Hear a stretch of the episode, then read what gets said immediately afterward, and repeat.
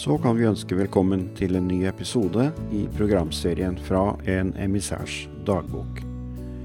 Der Kari Margrethe Renser Løvgren gir oss et tilbakeblikk på legmannsbevegelsens begynnelse, og hva dette fikk å bety for landet vårt.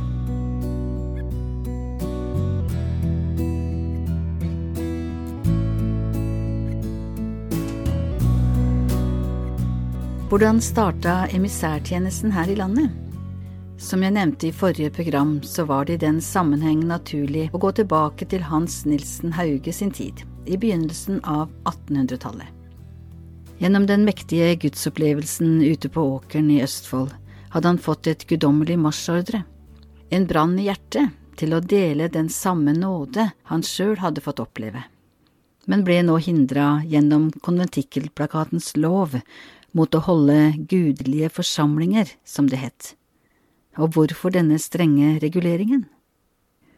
For det første var det bare prestene som skulle forkynne Guds ord i kirkene. Men midt på 1700-tallet hadde en protestantisk vekkelsesbevegelse, pietismen, kommet til deler av Danmark. Bønne- og bibelmøter ble holdt i hjemmene, såkalte konventikler, samlinger ledet av lekfolk.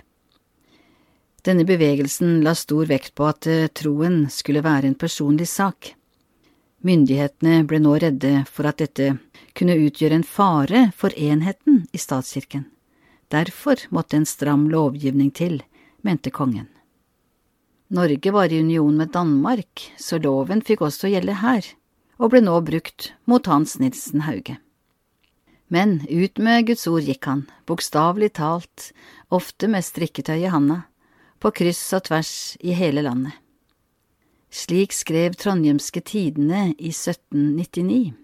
Den beryktede Hans Nilsen Hauge er også kommet hit, denne ypperste prest og høvding for den hellige bande som flakker omkring og skal ha fordelt seg over hele landet.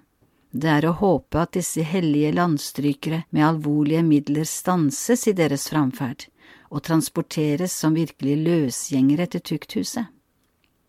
Dette var altså starten på emissærtjenesten her i landet. Ingen lett begynnelse, med andre ord. Over 15 000 kilometer skal Hauge ha gått til fots i Norge. Men som kjent, det ble en tjeneste prega av mange arrestasjoner, elleve i alt, og lange fengselsopphold.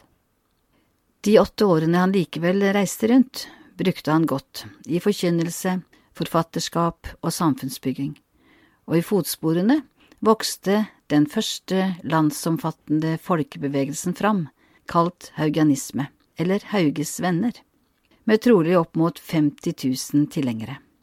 En bevegelse som i hovedsak fikk sin utbredelse blant bondestanden, og da ikke bare blant menn. Haugianerkvinnen Berthe Kanuette Aarflot, salmedikter og en av de fremste haugianske forfatterne rundt 1820, kan stå som et tydelig eksempel på den viktige rollen også kvinnene hadde i bevegelsen, noe Hauge ivret for. Vennesamfunn over storparten av landet vokste nå fram, som i starten samla seg til oppbyggelige husmøter, såkalte vennemøter, men var også aktive i samfunnsarbeid, i Hauges ånd. Paradoksalt blir det da å lese om all den motstand og sitat ondsinnet tale grunnleggeren Hans Nilsen Hauge ble utsatt for. Men, uttalte han, fra Det nye testamentet og Martin Luther visste han at det alltid ville bli kamp der evangeliet gikk fram. Det blir sagt at der Hauges bevegelse sto sterkt, gikk drukkenskapen ned, og haugianerne ble vel ansett, etter hvert også av prester rundt om i landet. Slik står det å lese. Mange kom for å tale med ham, også prester og biskoper.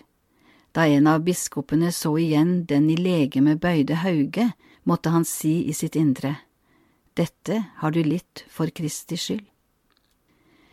Ja, vi har svært mye å takke folkevekkeren Hans Nilsen Hauge for, den første av de mange evangeliets budbærere som skulle komme etter han. 53 år gammel døde han, sterkt svekka av alle år i fengsel. De siste ordene som kom fra hans munn, var Følg Jesus, o du evige, kjærlige Gud. Som en følge av haugianerne var nå en ny bevegelse på gang i Norge. Grunnlaget til noe stort var lagt. Og dette skal vi ta for oss i neste program.